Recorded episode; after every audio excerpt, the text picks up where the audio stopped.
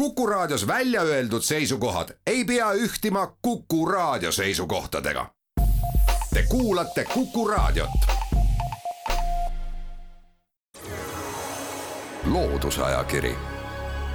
vaata ka looduseajakiri.ee.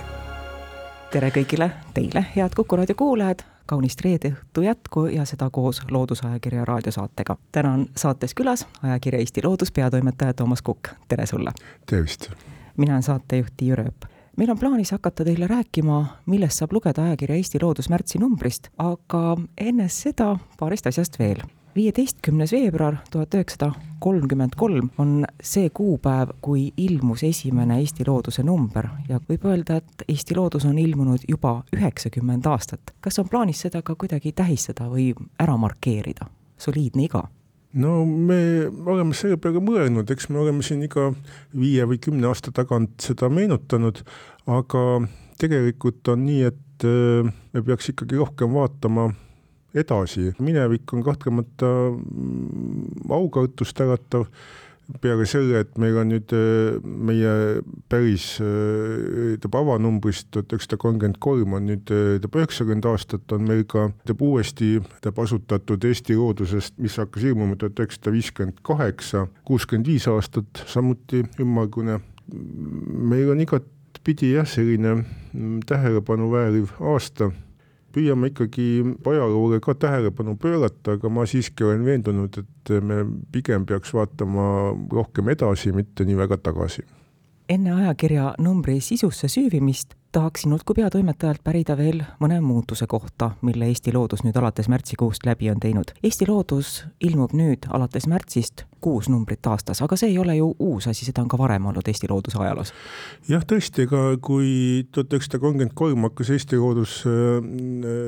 äh ilmuma, siis tuli aastas viis numbrit ja tuhat üheksasada viiskümmend kaheksa, kui ütleb Eesti Loodus uuesti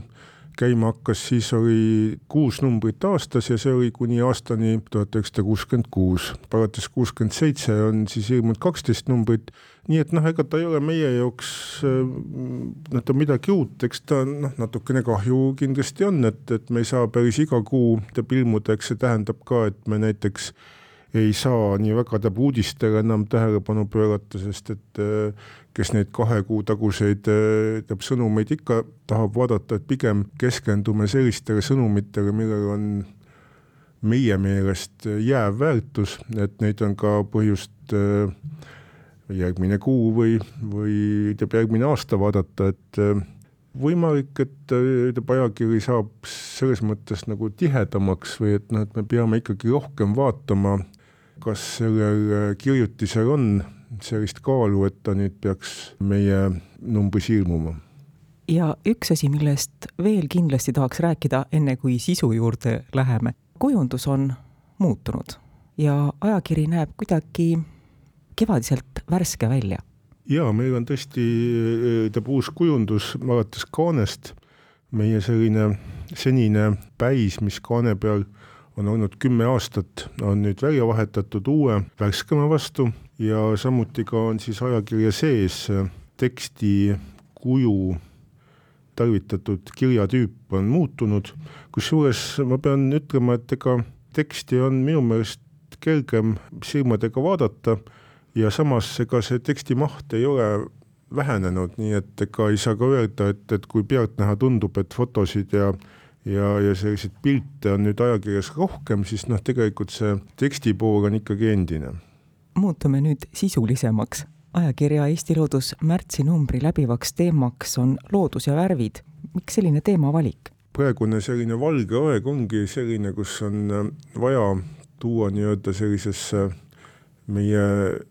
tähendab igapäevasesse keskkonda, meie tähendab loodusesse just äh, juurde toone ja millal siis veel tahab värvustest kirjutada, kui mitte talvel. mul on üks tuttav, kes on öelnud, et, et see Eesti loodus on ikka nii tähendab värvivaene, et tal on, tal oli omakorda üks tuttav, kes alati, kui ta läks loodusesse, võttis kaasa ühe paprikakauna, et oleks vähemalt mingigi värv looduses ja, ja noh, ma arvan, et, et selles mõttes on see märtsikuu just paras aeg, et vaadata neid põhjuseid, miks me neid värvusi näeme, siin on nii seda füüsikaline taust kui ka see, kuidas ta on aja jooksul muutunud, sest et ega see ei ole olnud juhus, et, et me neid värve nii noh, küllaltki hästi näeme, et, et sellega on selline pikem ajaloo taust, mida siis psühholoog Jüri Allik on pikemalt tutvustanud jah, ta kirjutab värvitajust, mis põhineb valkudel ja jah, ja siit sellest ütleb ajaloo kirjutisest tuleb ka välja, et see värvi nägemine on tekkinud ajaloos korduvalt, see ei ole mingi selline ühekordne kujunemine. Ja tõesti näiteks kui me vaatame ka putukaid, siis noh, neil on see värvide nägemine tihtipeale ka märksa tähtsam kui meie jaoks, sest et, et kui näiteks õied, mida nad tolmeldavad, on, ütleb erinevat tooni, kas seal on äh, põhjust sinna minna või, või on juba see, ütleb õis tolmeldatud, et, et sellel on ikkagi väga tähtis äh, nii-öelda praktiline väärtus putuka jaoks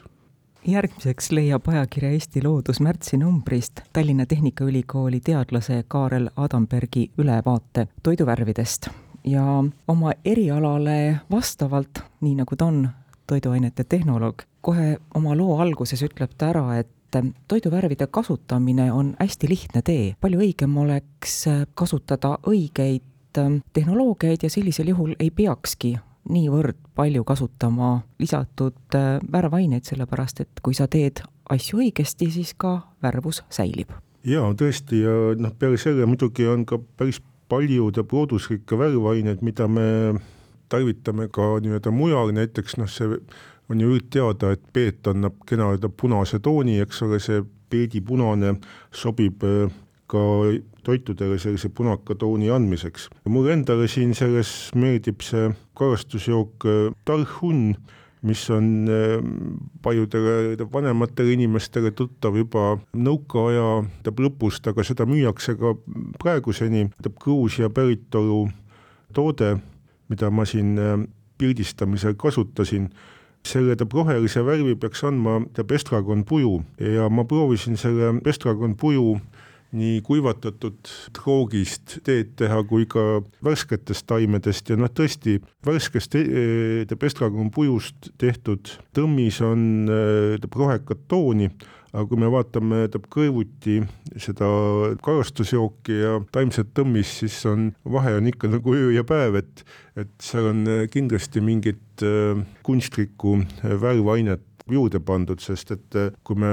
teeksime ainult sellise loodusliku tõmmise, siis ta tuleks selline kahvatu ja ei püüaks äh, poes pilku. Lehitseme ajakirja edasi, järgmiseks leiame füüsiku. Tartu Ülikooli emeriitprofessori Jaak Kikase artikli, milles sünnib maailma värvilisus, puhas füüsika.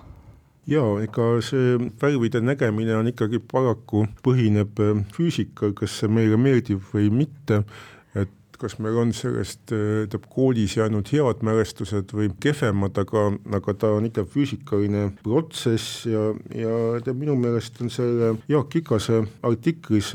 need põhilised äh, füüsikalised nähtused ära seletatud, miks me just näeme neid värvusi niimoodi, nagu me neid näeme? Et noh, siin on ka näiteks äh, teabegraafikas on juttu sellest, et punane filter muudab äh, meie, meile näiteks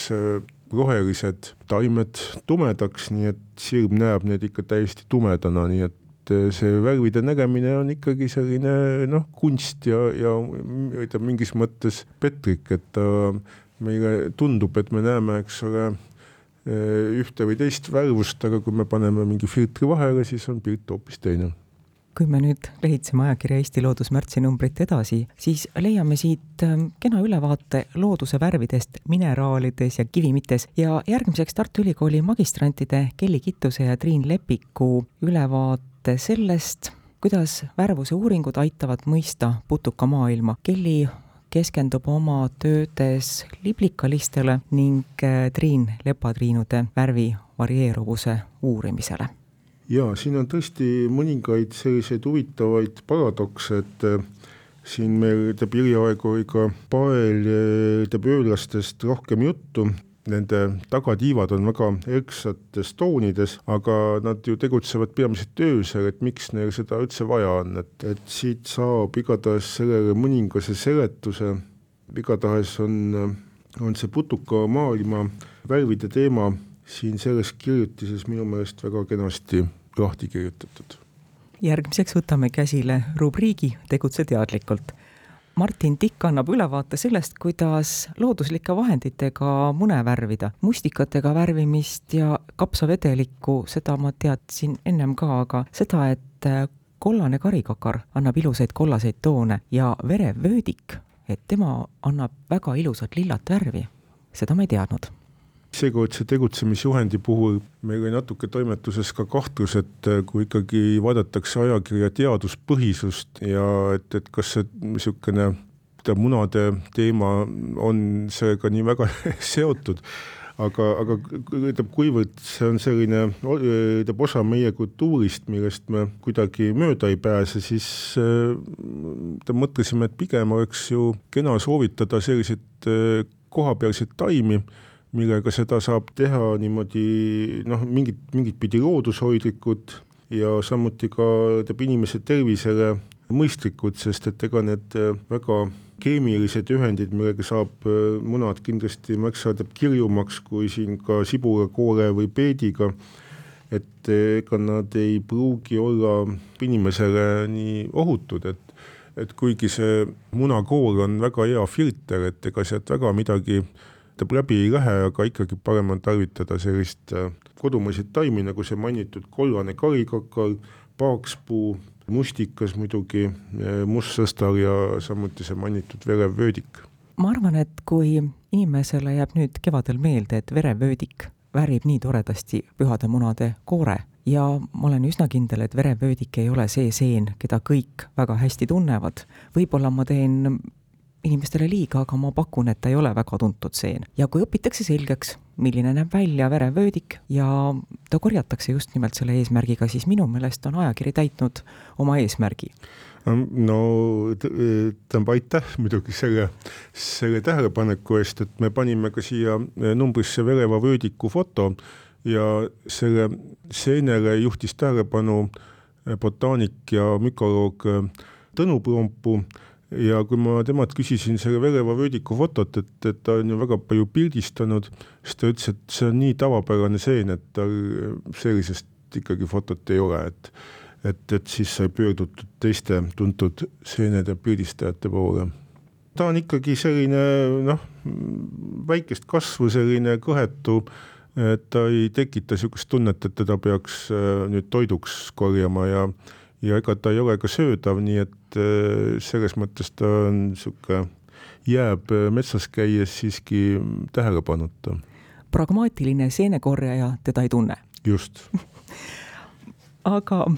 me jõuame veel rääkida intervjuust, mille sa tegid sellele ajakirja numbrile. sa rääkisid Tartu Poska gümnaasiumi bioloogiaõpetaja Lauri Mälloga, miks? no kõigepealt on, ütleb üks selline maine põhjus on see, et meil on nüüd äh, sellest aastast äh, toimetuskolleegium,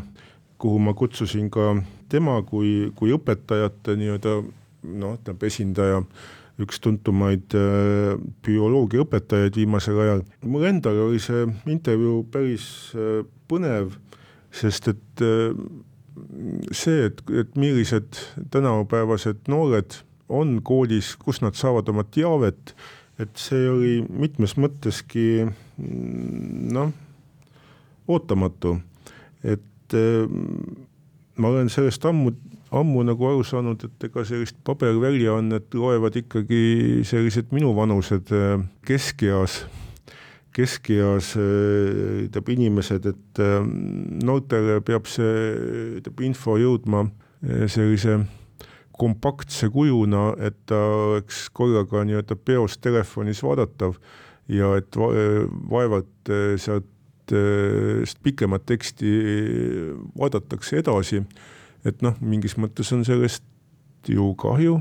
teiselt poolt on see asi, millega me peaksime kohanema ja ka vastavalt käituma, et ka noh, näiteks siin sellesama uue Eesti looduse puhul me oleme rohkem tähelepanu pööranud sellele, et tekst oleks ikkagi tähendab liigendatud rohkem, tekstid ei peaks olema väga pikad, noh, meil on nüüd selle kuu lõpus on, tuleb tähendab uus veebiportaal, kuhu me saame ka panna nii-öelda täistekste, kes tahavad veelgi pikemaid tekste, mis ei ole ajakirja mahtunud. nii et ega põhiline on ikkagi see, et, et, et, et see tähendab eesmärk, et me peame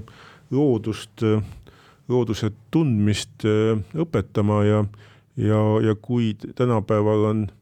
selleks vajalik selline telefoni pildisuurune